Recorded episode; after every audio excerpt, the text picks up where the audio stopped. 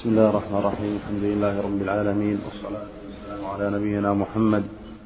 قال الإمام مسلم رحمه الله تعالى وحدثنا هارون بن عبد الله قال حدثنا حجاج بن محمد عن ابن جريج حاء قال وحدثني محمد بن رافع وتقاربا في اللفظ قال حدثنا عبد الرزاق قال أخبرنا ابن جريج قال سمعت محمد بن عباد بن جعفر يقول أخبرني أبو سلمة بن, بن سفيان وعبد الله بن عمرو بن العاص وعبد الله بن مسيب العابدي عن عبد الله بن السائب رضي الله عنه قال صلى لنا النبي صلى الله عليه وسلم الصبح بمكة فاستفتح سورة المؤمنين حتى جاء ذكر موسى وهارون أو ذكر عيسى محمد بن عباد يشك أو اختلفوا عليه.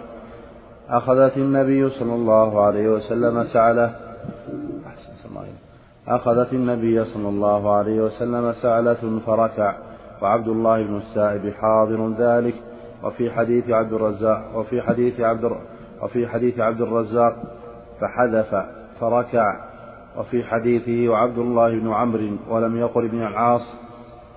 حدثني زهير بن حرب. الحمد لله رب العالمين على محمد وعلى آله وصحبه أما بعد. فهذا الحديث فيه بيان ما كان يقرأ به النبي صلى الله عليه وسلم. في صلاة الفجر فيه أنه قرأ سورة المؤمنين في صلاة الفجر قسمها بين الركعتين وكان هذا في في مكة عام الفتح عليه الصلاة والسلام. قوله عمرو بن العاص هذا خطأ ليس هو عمرو بن العاص وإنما هو عمرو آخر كما ذكر النووي رحمه الله أن الحفاظ اتفقوا على أنه خطأ. نعم. ها؟ عبد الله بن إيه ليس عبد الله بن عمرو. ليس عبد الله بن عمرو بن العاص. انما إنما هو آخر. نعم. ليس هو الصحابي. نعم. نعم. حدثني زهير بن حرب قال حدثنا يحيى بن سعيد حاء قال وحدثنا أبو بكر بن أبي شيبة قال حدثنا وكيع حاء وحدثني أبو كريب. واللفظ له قال أخبرنا ابن بشر عن مسعر قال حدثني الوليد بن سريع عن عمرو بن سريع. سريع. فتح نعم. نعم قال حدثني وليد بن سريع عن عمرو بن حريث رضي الله عنه أنه سمع النبي صلى الله عليه وسلم يقرأ يقرأ في الفجر والليل إذا عسعس. يعني سورة التكوير. وهذا في بعض الأحيان. كان فيه أنه كان عليه كان يقرأ بعض الأحيان في الفجر بأوساط مفصل سورة التكوير والليل وفيها والليل إذا عسعس. الشمس كورت نعم. لكن في الغالب يقرأ من الطوال من الستين إلى المئة عليه الصلاة والسلام. نعم. سمع إليك الإنسان إذا ما استطاع القراءة يركع مباشرة كسعدة أو غيرها؟ نعم. إذا إذا حدث كما فعل النبي صلى الله عليه وسلم. فحدث صارت سعدة فحدث. لما جاء ذكر موسى وهارون وصارت سعدة فركع في اللفظ الآخر فحدث يعني اختصر. نعم. لأن ما زاد على الفاتحة سنة. نعم. حدثني أبو كامل الجحدري بن فضيل بن حسين قال حدثنا أبو عوانة عن زياد بن علاقة عن قطبة بن مالك عن قطبة بن مالك رضي الله عنه قال صليت وصلى بنا رسول الله صلى الله عليه وسلم فقرأ قاف والقرآن المجيد حتى قرأ والنخل باسقات قال فجعلت أرددها ولا أدري ما قال. إيه، كان ما فهم معناها. نعم. خطبة خطبة جعل يرددها كان ما فهم نعم. حدثنا. المأموم نعم. أثناء قراءة الإمام. انشغال المأموم بالقراءة. لا لا لا يقرأ المأموم ما يقرأ إلا الفاتحة. الصحيح الفاتحة مستثناة. والجمهور يرون أنه يقرأ حتى الفاتحة الصلاة الجهرية. نعم. ترديد خطبة ها؟ ترديد خطبة إيش فجعلت فجعلت أرددها ولا أدري ما قال. ظاهر أن هذا ظاهر أن هذا اجتهاد منه كأنه يرددها في نفسه. إيش قال عليه الشافعي تكلم عليها. النووي فجعلت كذا. نعم نعم فجعلت أردده ولا أدري ما قال. ما تكلم عليها. النووي حاشية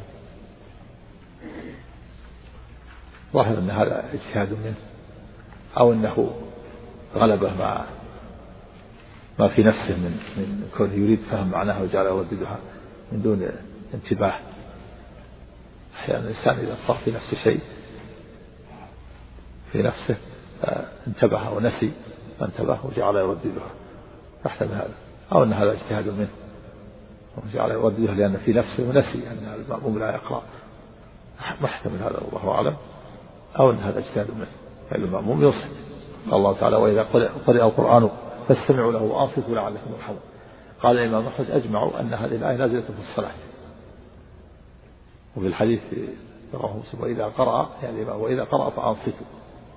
لكن الفاتحة مستثناة من على الصحيح. وقال الجمهور إنها حتى الفاتحة قراءة المأموم قراءة الإمام قراءة للمأموم استدلوا بأدلة منها أن قول الله تعالى قال قد أجيبت دعوتكما. كان موسى يدعو وهارون يؤمن فجعل الدعوة لهما جميعا. جعل المؤمن مثل الداعي. مستمع نعم. نعم. فقالوا إن قراءة الإمام كافية عن قراءة الإمام حتى الفاتحة. نعم. نعم. حدثنا أبو بكر, أبو بكر بن أبي شيبة قال حدثنا شريك وابن عيينة حاء وحدثني زهير بن حرب قال حدثنا ابن عيينة عن زياد بن علاقة عن قطبة بن مالك رضي الله عنه. سمع النبي صلى الله عليه وسلم يقرأ في الفجر والنخل باسقات لها طلع نضيد. حدثنا محمد بن بشار قال حدثنا محمد بن جعفر قال حدثنا شعبة عن زياد بن علاقة عن عمه رضي الله عنه أنه صلى مع النبي صلى الله عليه وسلم الصبح فقرأ في أول ركعة والنخل باسقات لها طلع نضيد ربما قال قاف. حدثنا أبو بكر بن أبي شيبة قال حدثنا حسين بن علي عن زائدة قال حدثنا سماك بن حرب. عن جابر بن سمرة رضي الله عنه قال إن النبي صلى الله عليه وسلم كان يقرأ في الفجر بقاف. والقرآن المجيد وكان صلاته بعد تخفيفا. نعم ظاهر أنه, أنه يقسمها بين الركعتين. كان صلاته بعد تخفيفا يحتمل صلاته يعني بعد الفجر الظهر والعصر والمغرب والعشاء. ويحتمل كان صلاته الفجر يعني بعد ذلك كانت تخفيفا. ولكن الأقرب الأول لأنه عليه الصلاة والسلام استمر على قراءة الطوال من الستين إلى المئة عليه الصلاة والسلام. إلى وفاته.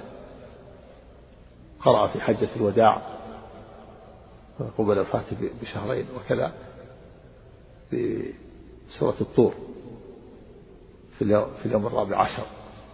صلى بالناس زكاة طاف الوداع في آخر الليل في ليلة الرابع عشر من شهر الحجة يوم الأربعاء.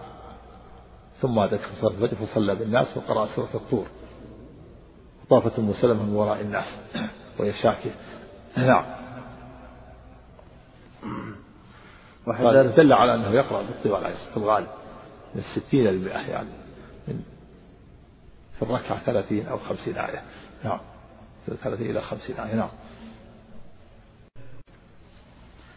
وحدثنا أبو بكر بن أبي شيبة ومحمد بن رافع واللفظ له واللفظ لابن رافع. قال حدثنا يحيى بن آدم قال حدثنا زهير عن سماك قال سألت جابر بن سمرة رضي الله عنه عن صلاة النبي صلى الله عليه وسلم فقال كان يخفف الصلاة ولا يصلي صلاة ولا يصلي صلاة هؤلاء. قال وأنبأني أن رسول الله صلى الله عليه وسلم كان يقرأ في الفجر بقاف والقرآن ونحوها. وحدثنا محمد المثنى قال حدثنا عبد الرحمن بن مهدي قال حدثنا شعبة عن سماك عن جابر بن سمرة رضي الله عنه قال كان النبي صلى الله عليه وسلم يقرأ في الظهر بالليل إذا يغشى وفي العصر نحو ذلك وفي الصبح أطول من ذلك. حد وحدثنا أبو بكر بن أبي شيبة قال حدثنا أبو داود أبو داود الطيالسي عن كان إيش؟ كان يقرأ إيش؟ كان يقرأ. قال كان النبي صلى الله عليه وسلم يقرأ في الظهر بالليل إذا يغشى وفي العصر نحو ذلك وفي الصبح أطول من ذلك. يعني هذا بعض الأحيان سبق أنه عليه الصلاة كان يقرأ بالظهر ألف لام تنزيل السجدة أو قدر ما يقرأ ثلاثين آية ربما قرأ بالليل إذا يغشى لكن الظهر تلي الفجر في الطول. الفجر كان يقرأ بالستين المئة بالستين المئة والظهر ربما قرأ ثلاثين آية. وربما قرأ بأقل من ذلك كما في هذا الحديث الذي لا يخشى توسط المفصل نعم. وحدثنا أبو بكر بن أبي شيبة قال حدثنا أبو داود الطيالسي عن شعبة عن سماك عن جابر بن سمرة رضي الله عنه أن النبي صلى الله عليه وسلم كان يقرأ في الظهر بسبح اسم ربك الأعلى وفي الصبح بأطول من ذلك وحدثنا أبو بكر بن أبي شيبة قال حدثنا يزيد بن هارون. الصبح هي أطول صلوات القراءة. أطول ما فيها القراءة ولهذا سماه الله تعالى وقرآن الفجر.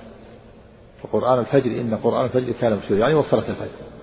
سمى الله صلاة الفجر القرآن لأن أطول ما فيها القراءة. وقرآن الفجر إن قرآن الفجر كان يعني وصلت الفجر. إن صلاة الفجر كانت مشهورة تشهدها الملائكة. نعم. وحدثنا أبو بكر بن أبي شيبة قال حدثنا يزيد بن هارون عن التيمي عن أبي المنهال عن أبي برزة رضي الله عنه أن رسول الله صلى الله عليه وسلم كان يقرأ في صلاة الغداة من الستين إلى المئة. الغداة وهي صلاة الفجر صلاة الغداة ثم صلاة الغداة. بالستين يعني في الركعة من ثلاثين إلى خمسين آية. الركعة الواحدة نعم.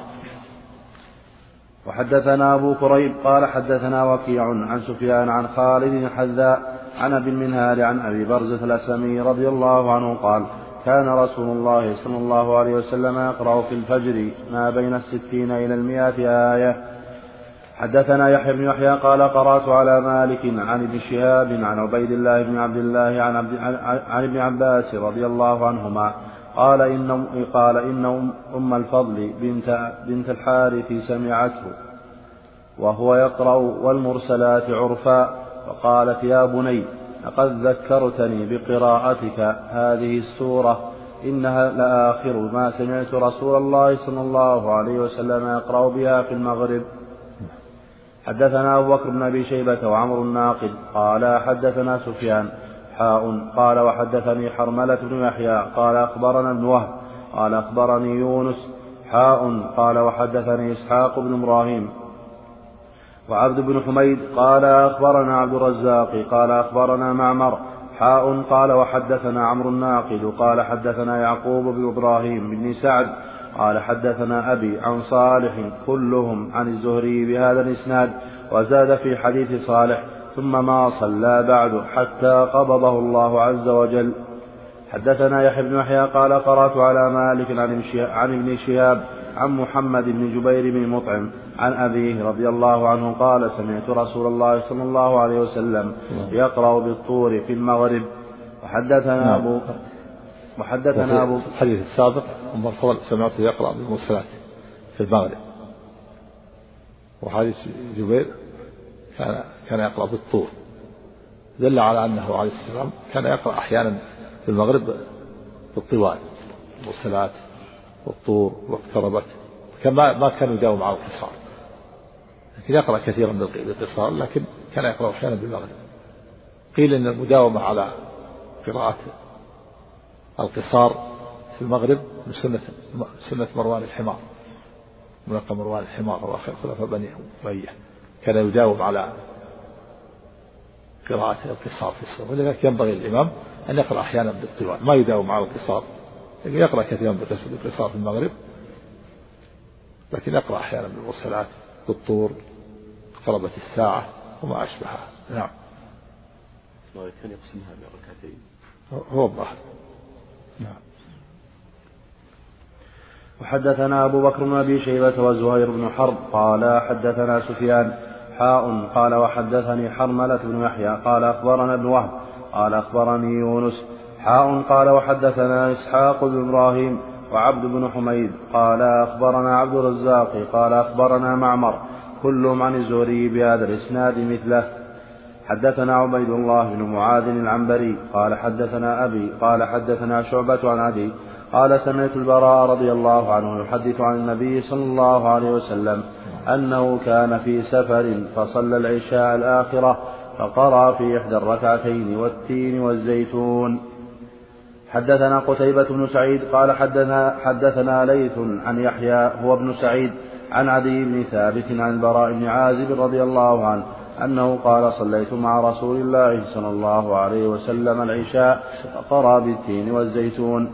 حدثنا محمد بن عبد الله بن نمير قال حدثنا أبي قال حدثنا مسعر عن عدي بن ثابت قال سمعت البراء بن عازب رضي الله عنه قال سمعت النبي صلى الله عليه وسلم قرأ في العشاء بالتين والزيتون فما سمعت أحدا أحسن صوتا منه. إيش؟ عمن؟ عن البراء قال سمعت البراء بن عازم رضي الله عنه قال سمعت النبي صلى الله عليه وسلم قرأ في العشاء بالتين والزيتون فما سمعت أحدا أحسن صوتا منه. وهذا فيه دليل على أنه عليه الصلاة ربما قرأ في العشاء بقصار المفصل وكان في الغالب يقرأ بأوساط المفصل. كما سبق في حديث معاذ أفلا قرأت بسبح اسم ربك الأعلى؟ والشمس وضحاها وهل أتاك حديث الغاشية؟ في الغالب يقرأ بأوساط المفصل الظهر والعصر والعشاء. لكن ربما قرأ بالقصار كما في هذا الحديث قرأ بالتين والزيتون لأن المفصل السنة يقرأ بطوال المفصل في الفجر وفي المغرب بقصاره وفي الظهر والعصر والعشاء بأوساطه. وطوال المفصل تبدأ من قاف إلى عمة وأوساطه من عمة إلى الضحى والقصار من الضحى إلى إلى آخر القرآن. نعم.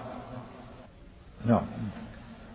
حدثني محمد حدثني محمد بن عباد قال حدثنا سفيان عن عمرو عن جابر قال كان معاذ رضي الله عنه يصلي مع النبي صلى الله عليه وسلم ثم يأتي فيؤم قومه فصلى ليلة مع النبي صلى الله عليه وسلم العشاء ثم أتى قومه فأمهم فافتتح بسورة البقرة فانحرف رجل فسلم ثم صلى وحده وانصرف وقالوا له أنافقت أنافقت يا فلان قال لا والله ولا تي تين إيه؟ قال لا والله ولا ولا آتين. ولا آتين رسول الله نعم. فقالوا له, فقالوا له أنافقت يا فلان. قال لا والله ولا آتي أن رسول الله صلى الله عليه وسلم فلا أخبرنه. فأتى رسول الله صلى الله عليه وسلم فقال يا رسول الله إنا أصحابنا واضحة نعمل بالنهار وإن معاذا صلى معك العشاء ثم أتى فافتتح بسورة البقرة فأقبل رسول الله صلى الله عليه وسلم على معاذ فقال يا معاذ أفتان أنت؟ اقرأ بكذا واقرأ بكذا. قال سفيان فقلت لعمرو إن أبا الزبير حدثنا عن جابر أنه قال اقرأ والشمس وضحاها والضحى والليل إذا يغشى. وسبح, وسبح اسم ربك الأعلى. وقال عمرو نحو هذا.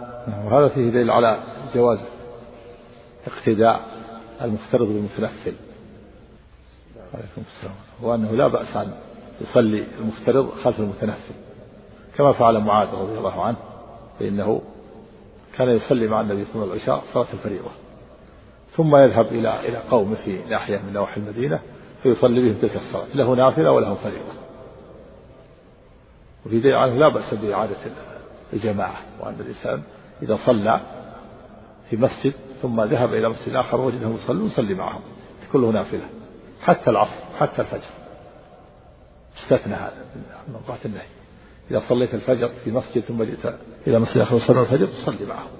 وليس الإنسان أن يجلس لأن النبي أنكر على من رآه جالسا لما صلى في إحدى لما صلى بالناس في ميناء رأى رجلين. جالسان فقال ما لكما؟ صلى. قال يا رسول الله صلينا في رحالنا. قال إذا صليتما في رحالكما ثم أتيتا مسجد الجماعة فصليا معهم فإنها لكم نافلة. فإذا صلى الإنسان في مسجد ثم وجد الناس يصلون يصلي معهم ولا يجلس لا يجلس والناس يصلون تكون له نافلة. ولا بأس بإعادة الجماعة. ولو في صلاة الفجر أو العصر ولو كان وقت نهي. استثنات مثل تحية المسجد. هذا معاذ رضي الله عنه كان يصلي مع النبي صلى الله عليه وسلم العشاء له فريضة ثم يذهب إلى قومه فيعيد تلك الصلاة يصلي تلك الصلاة عليه لهم يعني يؤمهم وأقرأهم فتكون له نافلة وله فريضة. هذا فيه دليل على جواز اقتداء المفترض بالمتنفل فيه الرد على من أنكر ذلك. من الحنابلة وغيرهم لا يرون الاقتداء بالمتنفل لاختلاف نية الإمام والمأموم. يقول النبي إنما إنما جعل الماء ليتم فلا تختلفوا عليه. لكن هذا يدل على أنه ليس من اختلاف النية ما يضر اختلاف النية. إذا صلى الظهر خلف من يصلي العصر فلا بأس. أو بالعكس صلى العصر خلف من يصلي الظهر أو صلى فريضة خلف من يصلي نافلة أو جاء الإمام في أو جاء الإنسان في صلاة التراويح والناس قد صلوا يصلي معهم فريضة. صلي ركعتين صلاة التراويح فإذا صلى الإمام أتى بركعتين. فلا بأس بهذا. وفيه أن معاذ رضي الله عنه كان يطيل أطال. كان يطيل رضي الله عنه حرصه وحفظ القرآن. افتتح البقرة يريد يقرأ البقرة كاملة. الليل طويل لكن هذا الرجل جاء متعب منهك. كل النهار يعمل في مزرعته في بستانه. فلما رأى معاذ افتتح البقرة وعرف أنه طول انحرف سلم وانحرف وصلى و وصلى وحده. صلاة وأسرة. فقيل له نافقت أنت منافق. لماذا تترك الجماعة تصلي وحده؟ فقال والله لآتين رسول الله صلى الله عليه وسلم فأخبره فآتى النبي صلى الله عليه وسلم فأخبره. فقال النبي منكر النبي على معاذ تطويله؟ قال أفتن وأنت يا معاذ؟ تقرأ البقرة كاملة. أفلا قرأت بسبح اسم ربك الأعلى؟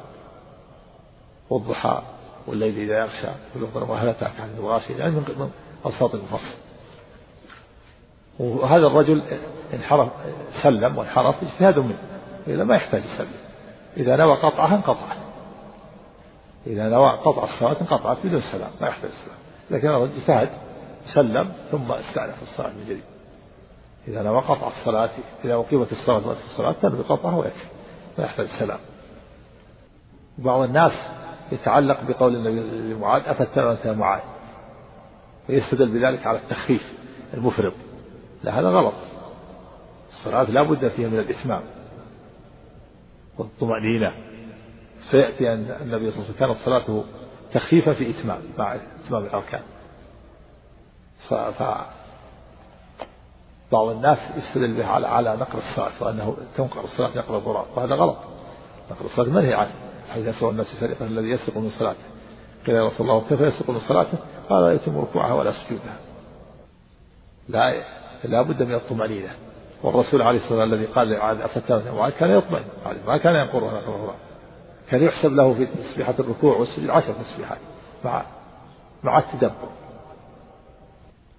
وكان يقرأ في الفجر بستين بستين هذا تخفيف.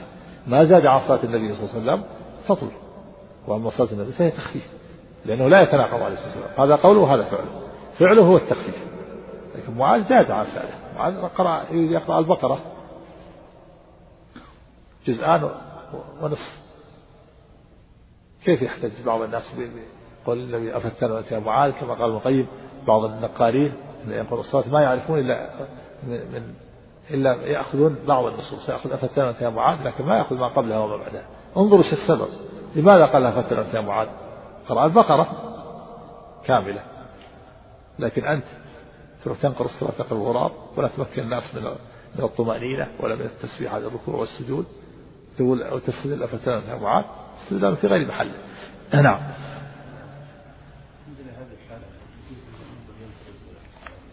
نعم إذا صار عليه مشقة أو كان مريض وتعب ولا يستطيع معلوم ينفرد ينوي الانفراد ويتم الصلاة.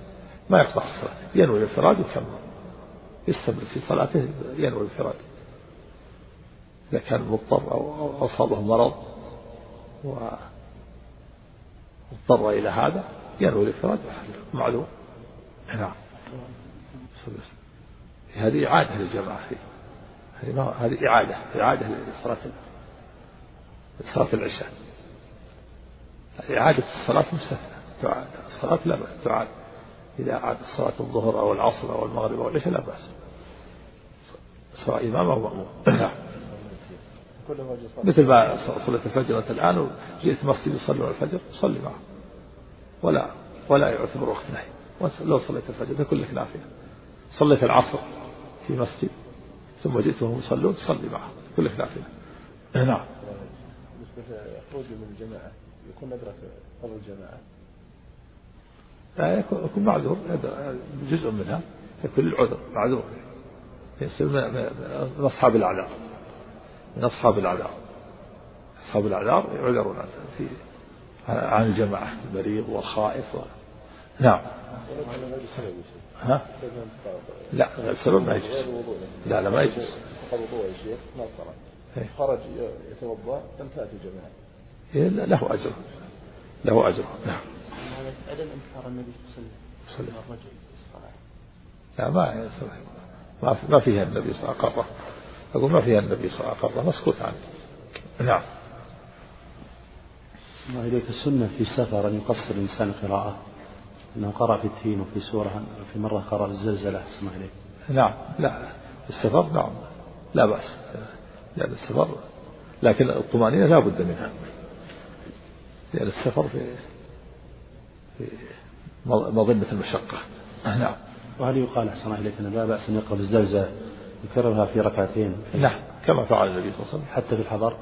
ولا ولا في الحضر. نعم. لكن آه، لو فعل بعض الأحيان ما ينبغي يداوم على هذا. نعم. النبي صلى الله عليه وسلم قرأ في الفجر. قرأ الزلزلة في الركعتين. ها؟ لا لا حتى بغيره لو قرأ في غيره لا لا نعم. وحدثنا قتيبة بن سعيد قال حدثنا ليث حاء قال وحدثنا ابن رمح قال أخبرنا الليث عن أبي الزبير عن جابر رضي الله عنه قال صلى معاذ معاذ بن جبل الأنصاري لأصحابه العشاء فطول عليهم فانصرف رجل منا فصلى فأخبر معاذ عنه فقال إنه نافق فقال إنه منافق. فلما بلغ ذلك الرجل دخل على رسول الله صلى الله عليه وسلم فأخبره ما قال معاذ فقال له النبي صلى الله عليه وسلم أتريد أن تكون فتانا يا معاذ؟ إذا أممت الناس فاقرأ بالشمس وضحاها وسبح اسم ربك الأعلى واقرأ باسم ربك واقرأ باسم ربك والليل إذا يغشى. وهذه من الصوت المفصل كما سبق. من عم إلى الضحى هذه الصوت المفصل يقرأ فيه الظهر والعصر والعشاء في المغرب في, في, في الظهر والعصر والعشاء. والقصار من الضحى إلى آخره يقرأ في المغرب ولكن كما سبق لا يداوم على القصار في المغرب. يقرأ أحيانا بالطوال كما فعل بالطور والمرسلات اقتربت. نعم. والفجر من الطوال من قاف إلى إلى عامة. هذا في الغالب من الستين إلى المئة. ركعة من ستين آية ركعة واحدة من ثلاثين إلى خمسين آية. هذا هو الغالب عليه الصلاة والسلام. نعم. صلى الله عليه وسلم بقوله من أنه منافق. معذور معاذ. هذا معاذ معذور. مثل ما قال عمر لحاطب بن أبي إنه منافق خلق يعني يضرب عنقه فإنه منافق قد خان الله ورسوله. ما قاله من أجل الهوى والتشهي إنما المنهي عنه.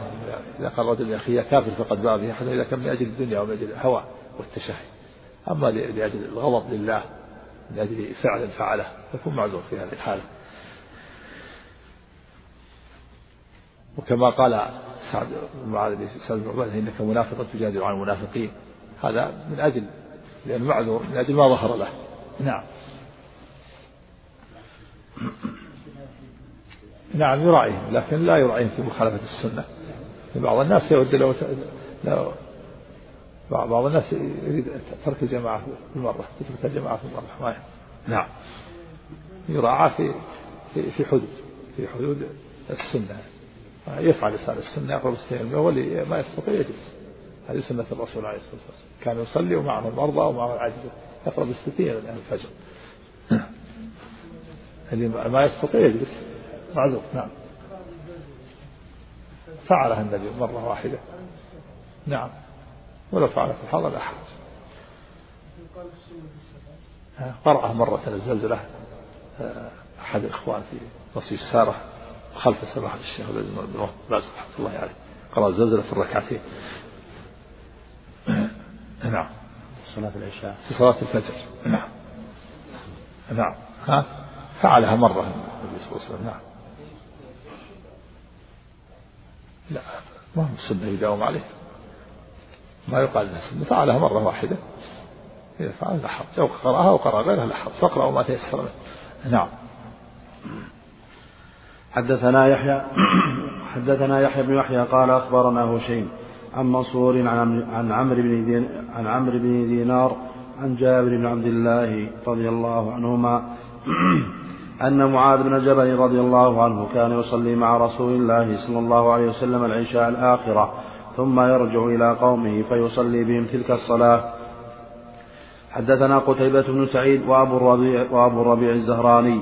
قال أبو الربيع حدثنا حماد قال حدثنا أيوب عن عمرو بن دينار عن جابر بن عبد الله رضي الله عنهما قال كان معاذ رضي الله عنه يصلي مع رسول الله صلى الله عليه وسلم العشاء ثم يأتي مسجد قومه فيصلي بهم. وحدثنا يحيى بن يحيى قال أخبرنا هشيم عن إسماعيل بن أبي خالد عن قيس عن أبي مسعود الأنصاري رضي الله عنه قال جاء رجل إلى رسول الله صلى الله عليه وسلم. عن عن أبي مسعود؟ نعم نعم. ظاهرة الحين مرة واحدة. ما يعود مرة أخرى وما يخالفها لا يصلي مع الرسول ثم يأتي إلى قومه يصلي. لا ظاهرة أنه مستمر ظاهرة أنه هذا لكن الحادثة هذه واحدة. نعم. نعم. عن أبي مسعود الأنصاري كانت تدل على الاستمرار. نعم.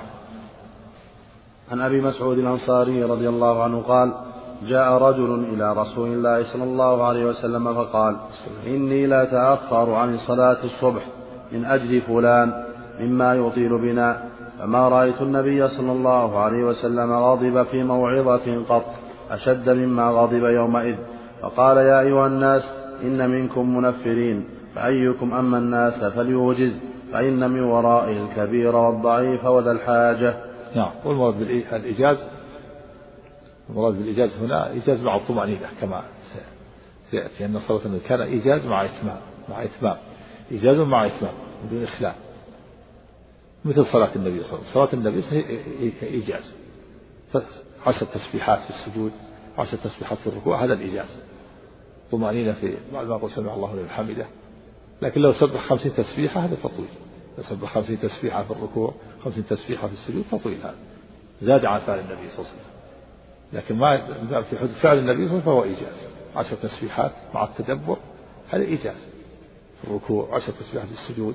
سمع الله لمن حمده ربنا ولك الحمد. حمدا كثيرا طيبا مباركا فيه إلى آخره. كل هذا كل هذا إيجاز. نعم والقراءة بالستين إلى المئة إيجاز في الفجر. كل هذا من الإيجاز فعل النبي إيجاز وما جاز عنه فاستطيع نعم. حدثنا أبو بكر بن أبي شيبة قال حدثنا حدثنا هشيم ووكيع حاء قال وحدثنا ابن أمير قال حدثنا أبي حاء وحدثنا ابن أبي عمر قال حدثنا سفيان كلهم عن إسماعيل في هذا الإسناد بمثل حديث هشيم. وحدثنا قتيبة بن سعيد قال حدثنا المغيرة وهو, وهو ابن عبد الرحمن الحزامي عن أبي الزناد عن الأعرج عن أبي هريرة رضي الله عنه أن النبي صلى الله عليه وسلم قال إذا أما أحدكم الناس فليخفف فإن فيهم الصغير والكبير والضعيف والمريض فإذا صلى وحده فليصلي كيف شاء. نعم. يعني في هذا على أنه لا بد من مراعاة الضعيف وكبير السن وذا الحاجة والمريض. هناك إنسان محتاج عنده مريض مثلا في المستشفى عنده حاجة لا بد منها عنده ضيف عنده أمر لا بد منه يراعى ما يطول عليه. كذلك الكبير السن لا يشق عليه الركوع والسجود يجلس سبع خمسين تسبيحة هذا مشقة. ستين تسبيحة هذا مشقة. لكن ما دام في فعل النبي صلى الله عليه وسلم فهذا هو الإيجاز ثلاثية عشر تسبيحات عشر قراءة مثل قراءة النبي صلى الله عليه وسلم. لكن يقرأ البقرة يقرأ آل عمران كاملة في الركعة ويقسم من ركعتين تطويل. لكن يقرأ مثل ما يقرأ النبي صلى الله عليه وسلم.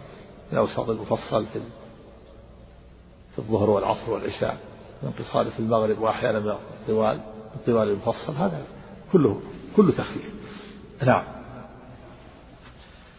حدثنا ابن رافع قال حدثنا عبد الرزاق قال حدثنا معمر عن همام بن منبه قال هذا ما حدثنا أبو هريرة رضي الله عنه عن محمد رسول الله صلى الله عليه وسلم. فذكر أحاديث منها وقال رسول الله صلى الله عليه وسلم إذا ما قام أحد إذا ما قام أحدكم للناس إذا إذا ما قام. آه، نعم هذه هذه ما زائدة. يا طالبا خذ فائدة ما بعد إذا زائدة. إذا إذا ما قام. يعني إذا قام الزائدة للتأكيد. نعم. إذا ما قام أحدكم للناس فليخفف الصلاة فإن فيهم الكبير وفيهم الضعيف وإذا قام وحده فليطل صلاته ما شاء. نعم إذا كان يصلي وحده يطول ما شاء. يصلي في صلاة الليل طول ما شاء. ليس أحد متعلق به. صول يقرأ لو لو قرأ مثل لو قرأ القرآن كله في ركعة كما يروى عن عن عثمان رضي الله عنه أنه كان يقرأ القرآن كله في ركعة. لو استطاع مثلا.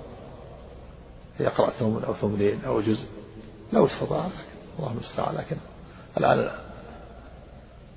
قيام الليل قليل الآن صار المشاغل الآن والسهر الآن كله إلى نصف الليل أو إلى ثلثي الليل كل هذا سهر.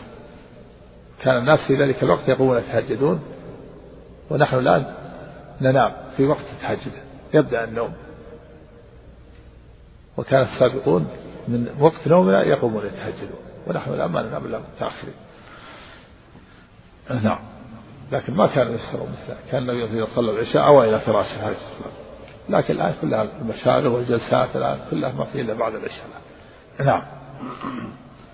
وحدثنا حرملة بن يحيى قال أخبرنا ابن وهب قال أخبرني يونس عن ابن شهاب قال أخبرني قال أخبرني أبو سلمة بن عبد الرحمن أنه سمع أبا هريرة رضي الله عنه يقول قال رسول الله صلى الله عليه وسلم إذا صلى أحدكم للناس فليخفف فإن في الناس الضعيف والسقيم وذا الحاجة. وحدثنا عبد الملك بن شعيب بن الليث قال حدثني أبي قال حدثني الليث بن سعد قال حدثني يونس عن ابن شهاب قال حدثني أبو بكر بن أبي قال حدثني أبو بكر بن عبد الرحمن أنه سمع أبا هريرة رضي الله عنه يقول قال رسول الله صلى الله عليه وسلم بمثله غير أنه قال بدل السقيم الكبير. حدثنا محمد محمد بن عبد الله بن نمير قال حدثنا أبي قال حدثنا عمرو بن عثمان قال حدثنا موسى بن طلحة قال حدثني عثمان بن أبي العاص الثقفي رضي الله عنه أن النبي صلى الله عليه وسلم قال له أم قومك أم قومك. قال قلت كم كم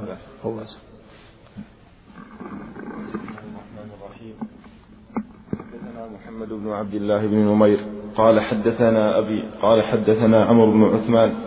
قال حدثنا موسى بن طلحة. قال حدثني عثمان بن عبد العاص الثقفي أن النبي صلى الله عليه وسلم قال له أم قومك.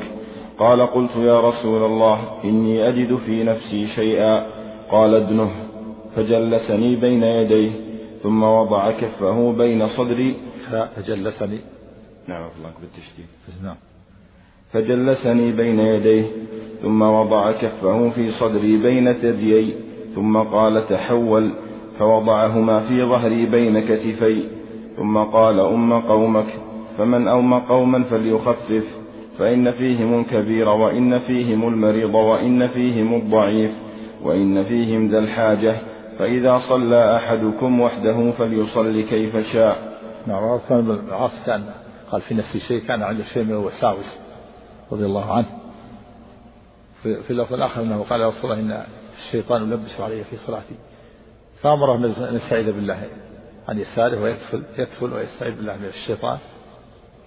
فأذهب الله قال فأذهب الله عني ذلك. وفي هذا أنه عليه الصلاة والسلام وضع يديه على صدره ثم قال تحول فوضعها بين كتفيه. فأذهب الله عنه ما يجد من الوساوس وقال له أم قومك. كن إماما لهم.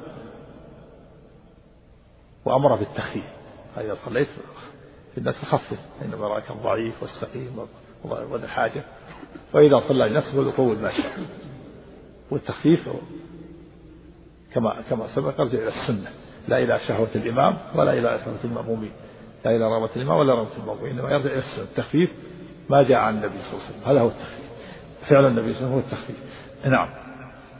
حدثنا محمد بن المثنى وابن بشار قال حدثنا محمد بن جعفر قال حدثنا شعبة عن عمرو بن مرة قال سمعت سعيد بن المسيب قال حدثنا عثمان بن أبي العاص قال آخر ما عهد إلي النبي صلى الله عليه وسلم إذا أممت قوما فأخف بهم الصلاة.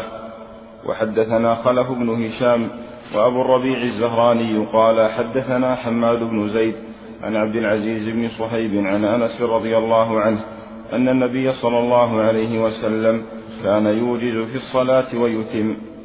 نعم. يوجز ويتم.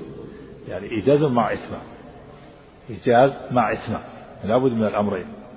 أما إذا كان إيجاز مع إخلال يدخل بالطمأنينة فالصلاة باطلة. إيجاز مع إتمام نعم. وفعله هو, هو الإتمام والإيجاز هو فعله عليه الصلاة والسلام. عشر تسبيحات في الركوع عشر تسبيحات مع التدبر هذا إيجاز. نعم. وحدثنا يحيى بن يحيى وقتيبة بن سعيد قال يحيى أخبرنا وقال قتيبة حدثنا أبو عوانة عن قتادة عن أنس رضي الله عنه أن رسول الله صلى الله عليه وسلم كان من أخف الناس صلاة في تمام. نعم في تمام. تخفيف في تمام. نعم.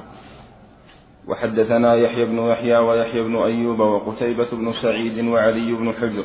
قال يحيى بن يحيى أخبرنا وقال الآخرون حدثنا إسماعيل يعنون ابن جعفر. عن شريك بن عبد الله بن أبي نمر عن أنس بن مالك رضي الله عنه أنه قال ما صليت وراء إمام قط وخف صلاة ولا أتم صلاة من رسول الله صلى الله عليه وسلم. وحدثنا يحيى بن يحيى قال أخبرنا جعفر بن سليمان عن ثابت البناني عن أنس قال أنس رضي الله عنه كان النبي صلى الله عليه وسلم يسمع بكاء الصبي مع أمه وهو في الصلاة فيقرأ بالسورة الخفيفة أو بالسورة القصيرة. عليه الصلاة والسلام. كان أرحم الناس عليه الصلاة والسلام. من رحمته عليه الصلاة والسلام شفقته. إذا سمع بكاء الصبي قرأ بالسورة. كان يريد يقرأ بسورة أطول منها فيقرأ بسورة أقل. مخافة أن يشق على أمه عليه الصلاة والسلام. كان النساء يصلين مع النبي صلى الله عليه وسلم. نعم. وحدثنا محمد. نعم. إذا كان فيه إذا كان فيه إيذاء إذا كان يؤذي لكن هذا شيء عارض يعني لابد من ملاحظته تلاحظ يلاحظ لا يلوث المسجد ولا يؤذي ولا نعم. وحدثنا محمد بن مهال الضرير. قال حدثنا يزيد بن زريع. قال حدثنا سعيد بن أبي عروبة عن قتادة عن أنس بن مالك رضي الله عنه قال قال رسول الله صلى الله عليه وسلم إني لأدخل في الصلاة أريد إطالتها فأسمع بكاء الصبي فأخف فأسمع بكاء الصبي فأخفف من شدة وجد أمه به. نعم. وحدثنا حامد بن عمر من شدة ما تجد في نفسه عليه يعني تتأثر. نعم. وحدثنا حامد بن عمر البكراوي وأبو كامل فضيل بن حسين الجحدري كلاهما عن أبي عوانة قال حامد حدثنا أبو عوانة عن هلال بن أبي حميد عن عبد الرحمن بن أبي ليلى عن البراء بن عازب رضي الله عنه قال رمقت الصلاة مع محمد صلى الله عليه وسلم فوجدت قيامه فركعته فاعتداله بعد ركوعه فسجدته فجلسته بين السجدتين فسجدته فجلسته ما بين التسليم والانصراف قريبا من السواء. وهذا فيه أن صلاة الرسول متناسبة متناسبة في الأركان. الركوع والسجود والرفع من الركوع والجلسة بين السجدتين كلها متقاربة. وفي اللفظ الآخر ما خلا القيام والقعود ما خلا القيام طويل قيام للقراءة والقعود التشهد هذا والباقي تكون صلاة متناسبة. ما يكون الركوع طويل والسجود أقل أو السجود طويل والركوع يكون متناسبة. الركوع طول الركوع مثل طول السجود مثل طول بين السجدتين مثل طول القيام بعد الركوع. فركوعه إذا ركع مثل سمع الله لمن حمده. ما يخفف الركنين سمع الله لمن حمده قريب من الركوع. ربنا ولك الحمد. والسجود كذلك. تكون متناسبة وبين السجدتين كذلك. بعض الناس يخفف الركنين إذا قال سمع الله لمن حمده ركع. إذا رفع مثلا السجدة ما ما يطمئن. يركع. لا يكون مثل السجود. جلوس بين السجدتين مثل السجود في الطول. والقيام بعد بعد الركوع مثل مثل الركوع مثل السجود تناسبة هكذا كان صلاة النبي صلى الله عليه وسلم. نعم. وحدثنا عبيد الله بن معاذ العنبري قال حدثنا أبي قال حدثنا شعبة عن الحكم قال غلب على الكوفة رجل قد سماه زمن بن الأشعث فأمر أبا عبيدة بن عبد الله أن يصلي بالناس فكان يصلي فإذا رفع رأسه من الركوع قام قدر ما أقول اللهم ربنا لك الحمد ملء السماوات وملء الأرض وملء ما شئت من شيء بعد. أهل الثناء والمجد لا مانع لما أعطيت ولا معطي لما منعت ولا ينفع ذا الجد منك الجد. قال الحكم فذكرت ذلك لعبد الرحمن بن أبي ليلى فقال سمعت البراء بن عازب رضي الله عنه يقول كانت صلاة رسول الله صلى الله عليه وسلم وركوعه وإذا رفع رأسه من الركوع وسجوده وما بين السجدتين قريبا من السواء. قال شعبة فذكرته لعمرو بن مرة فقال قد رأيت ابن أبي ليلى فلم تكن صلاته هكذا. نعم. حدثنا محمد بن المثنى وابن بشار قال حدثنا محمد بن جعفر قال حدثنا شعبة عن الحكم أن مطر بن ناجية لما ظهر على الكوفة أمر أبا عبيدة أن يصلي بالناس وساق الحديث. حدثنا خلف بن هشام قال حدثنا تكلم على أبو عبيدة. هذا نعم. حدثنا خلف بن هشام قال حدثنا حماد بن زيد عن ثابت عن أنس رضي الله عنه قال إني لا اعلو أن أصلي بكم كما رأيت رسول الله صلى الله عليه وسلم يصلي بنا. قال فكان أنس يصنع شيئا لا أراكم تصنعونه. كان إذا رفع رأسه من الركوع انتصب قائما حتى يقول القائل قد نسي وإذا رفع رأسه من السجدة مكث حتى يقول القائل قد نسي. يعني يطول هذه الركن بدل ما يقول سمع الله لمن حمده يطول حتى يقول القائل نسي من طوله. وإذا رفع رأسه من السجود بين السجدتين جلس حتى يقول قد نسي. وهذين الركنين يخففهما كثير من الناس. والأحلاف بالخصوص لا يطمئنون في هذا.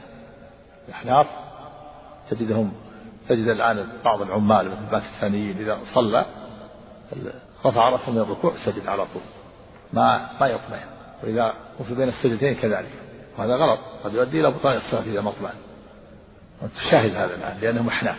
الحنف يرون هذا. هذا غلط. قد لا يقول به الإمام ابن لكن هذا خلاف سنة الرسول صلى الله عليه وسلم. كان يطيل هذا الركعتين وهؤلاء مجرد سمع الله لمن حمده الله أكبر. ما يطمئن إذا رفع رأسه من الركوع أما من السجود الله أكبر الله أكبر. ما يتمكن ولا يقول رب اغفر مرة واحدة. هذا غلط كبير. لابد من إطالة هذه يتناسب. تكون إطالتهم تتناسب مع الركوع والسجود. نعم. طبعا قال النووي وأبو عبيدة هو ابن عبد الله بن مسعود. هو؟ هو هو ابن عبد الله بن مسعود. نعم. نعم. وحدثني أبو بكر بن نافع العبدي قال حدثنا بهز قال حدثنا حماد قال أخبرنا ثابت عن أنس رضي الله عنه قال ما صليت خلف أحد أوجز صلاة من صلاة رسول الله صلى الله عليه وسلم في تمام. كانت صلاة رسول الله صلى الله عليه وسلم متقاربة وكانت صلاة أبي بكر متقاربة. فلما كان عمر بن الخطاب مد في صلاة الفجر وكان رسول الله صلى الله عليه وسلم إذا قال سمع الله لمن حمده قام حتى نقول قد أوهم ثم يسجد ويقعد بين السجدتين حتى نقول قد أوهم. أوهم يعني نس نعم. من إطالة هذين الركنين نعم. حدثنا أحمد بن يونس قال حدثنا زهير قال حدثنا أبو إسحاق حاء قال وحدثني يحيى بن يحيى قال أخبرنا أبو خيثمة عن أبي إسحاق عن عبد الله بن يزيد قال حدثني البراء وهو غير كذوب أنهم كانوا يصلون خلف رسول الله صلى الله عليه وسلم فإذا رفع رأسه من الركوع لم أر أحدا يحني ظهره حتى يضع رسول الله صلى الله عليه وسلم جبهته على الأرض ثم يخر من ثم يخر من وراءه سجدا. يعني يتبع كانوا يتابعون عليه السلام ولا يسابقونه. كانوا لا لا يتحركون حتى يقع رسول الله تضع جبهته على الأرض ساجدا ثم يخر من يعني إذا انحنى وسجد وتمكن وانقطع صوته تبعوه هكذا السنة. المأموم ينتظر حتى يفعل الإمام الركن وينقطع صوته. نعم. وحدثني أبو بكر بن خلاد الباهلي قال حدثنا يحيى بن سعيد قال حدثنا سفيان قال حدثني أبو إسحاق قال حدثني عبد الله بن يزيد قال حدثني البراء وهو غير كذوب قال كان رسول الله صلى الله عليه وسلم إذا قال سمع الله لمن حمده لم يحن أحد منا ظهره حتى يقع رسول الله صلى الله عليه وسلم ساجدا ثم نقع سجودا بعده.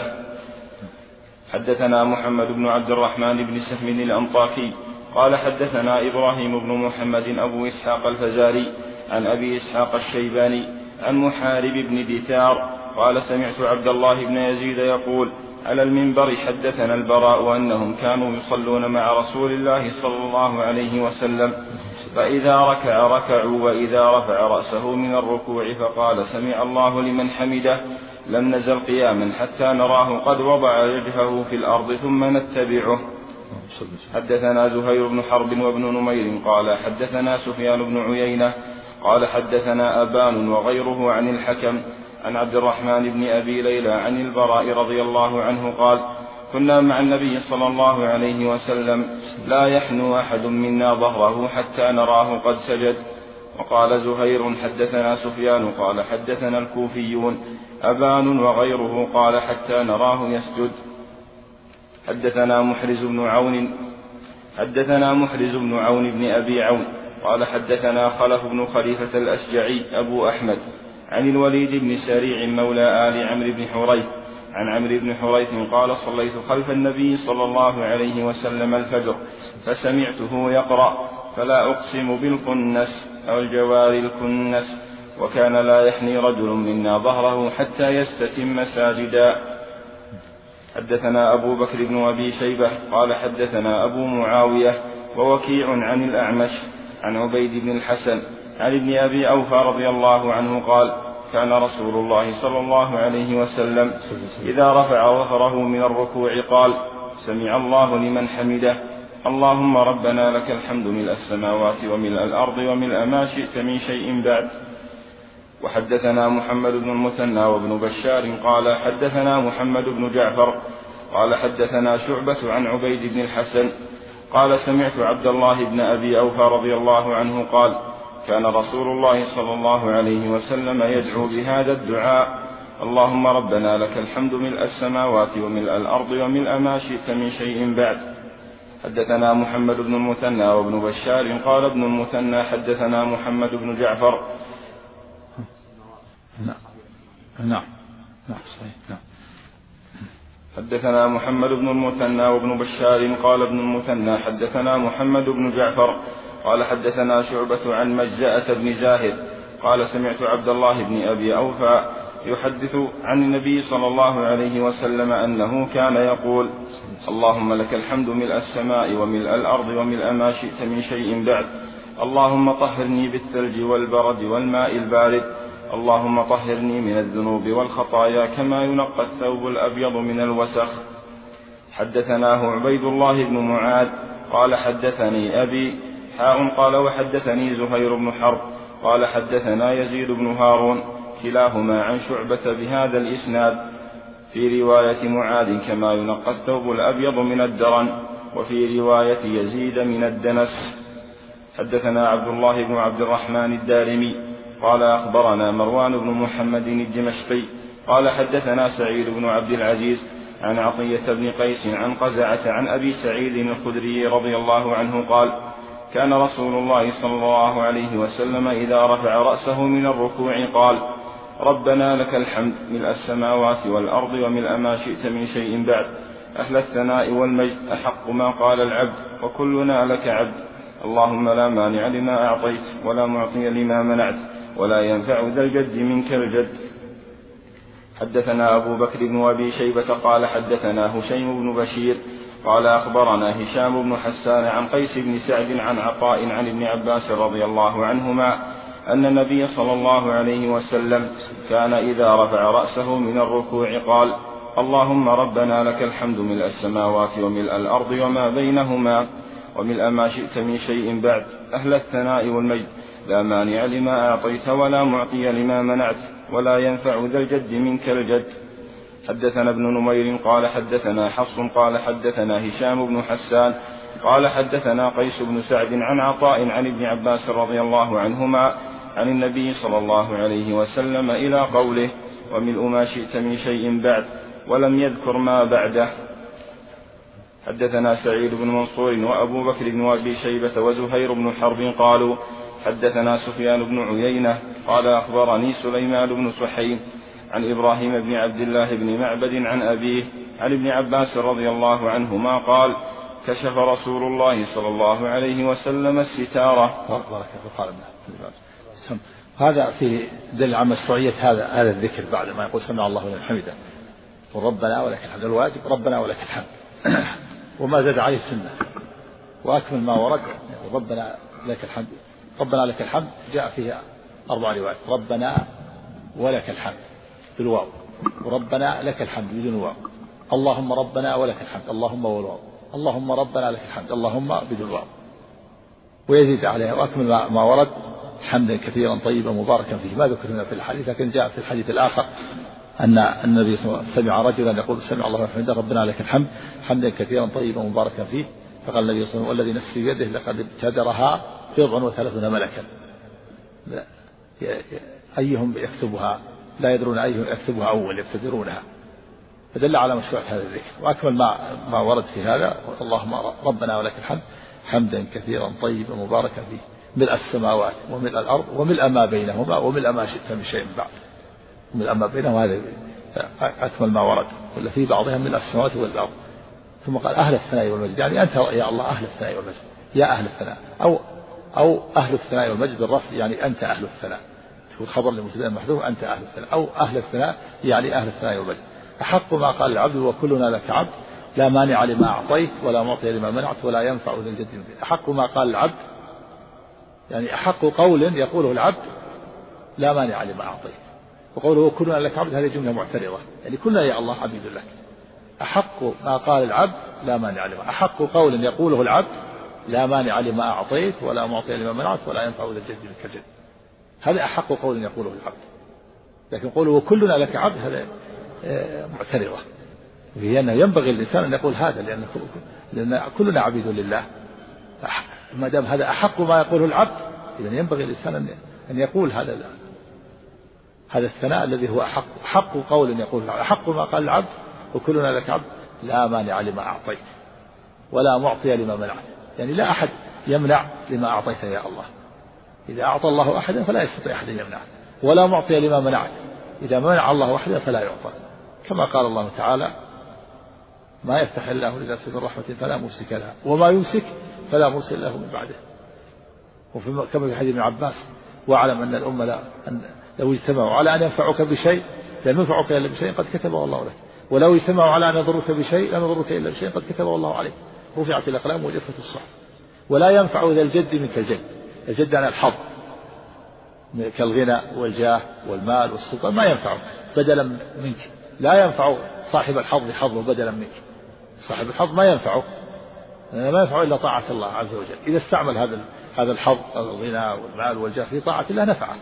لكن كونه ينتفع بهذا المال أو جاه السلطان وحده هذا لا ينفع وحده بدلا من العمل. وفي الحديث الآخر من بطأ به عمله لم يسمع به نفسه. الجد يطلق على الحظ هنا ويطلق على العظمة كما كما قال كما في, في الاستفتاح تبارك وتعالى جدك ارتفعت عظمتك. وكما في قوله وأنه تعالى جد ربنا يعني عظمته وكبرياءه سبحانه وتعالى. ويطلق الجد على أب الأب. هذا هذا جد فلان يعني أب الأبي أما الجد بالكسر الاجتهاد. بعضهم رواه الجد لكن ضعيف. ولا يأخذ الجد يعني لا لا ينفع صاحب الاجتهاد اجتهاده. الصواب بالفتح ولا ينفع ذا الجد منك الجد. اللهم اغسلني بالثلج والبرد والماء البارد. اللهم طهرني من خطاياي بالماء اللهم اغسلني من خطاياي بالماء بالثلج والبرد والماء البارد. اللهم طهرني نقني من خطاياي طهرني من خطاياي كما ينقى الثوب الأبيض من من الدنس أو الوسخ أو الدرن هذا أكثر ما ورد. نعم. سم. من باب التأكيد. من باب التأكيد يعني من باب التأكيد كان هو العناية بهذا الأمر. تكلم ما تكلم عليه النووي. ظاهره أنه كان كان كان يخشى أن بعض الناس يشك في هذا الأمر. يعني يعني هذا الأمر الذي يخبر به يعني أنه أمر مهم. كان الراوي اعتنى به. قال حدثني البراء وهو كذوب يعني تعتنوا بهذا الأمر. نعم. ولا الصحابة كلهم كذلك. نعم. نعم. قلت ما قال وهو كذوب ما تكلم عليه. نعم. القائل وهو غير الكذوب هو أبو إسحاق. قال المراد أن عبد الله بن يزيد غير الكذوب وليس المراد أن البراء غير الكذوب كذا؟ لأن البراء الصحابي لا يحتاج إلى تزكية ولا ولا يحسن فيه هذا القول. وهذا الذي قاله ابن معين خطأ عند العلماء. بل الصواب أن القائل وهو غير كذوب هو عبد الله بن يزيد ومراده أن البراء غير كذوب ومعناه تقويه الحديث وتسخينه والمبالغة في تمكينه من والمبالغة في تمكينه من النفس التزكية التي تكون فيه ها؟ والمراد تفخيمه وتعظيمه. ومعناه تقوية الحديث وتفخيمه. إيه. والمبالغة في تمكينه من النفس لا التزكية التي لا التزكية التي تكون في مشكوك فيه. ونظيره قول ابن عباس رضي الله عنهما حدثنا رسول الله صلى الله عليه وسلم وهو الصادق المصدوق وعن أبي هريرة مثله. وفي صحيح مسلم عن أبي مسلم الخولاني حدثني الحبيب الامين عوف عوف بن مالك الاشجعي ونظائره كثيره. نعم هذا المقصود يعني كان كان هذا الأمر بعض الناس يشك فيه، المراد تقوية تثبيت هذا الشيء الذي تثبيت هذا الحديث في النفوس. يعني يقول حدثنا الصحابي وهو غير كذوب. يعني فاعتنوا بهذا الأمر. اعتنوا بهذا الأمر واهتموا به واعتنوا به لأنه لأنه صدر من من صحابي جليل لا لا يمكن أن يكذب. فاعتنوا بهذا الأمر واهتموا به واعملوا به. باب التأكيد نعم.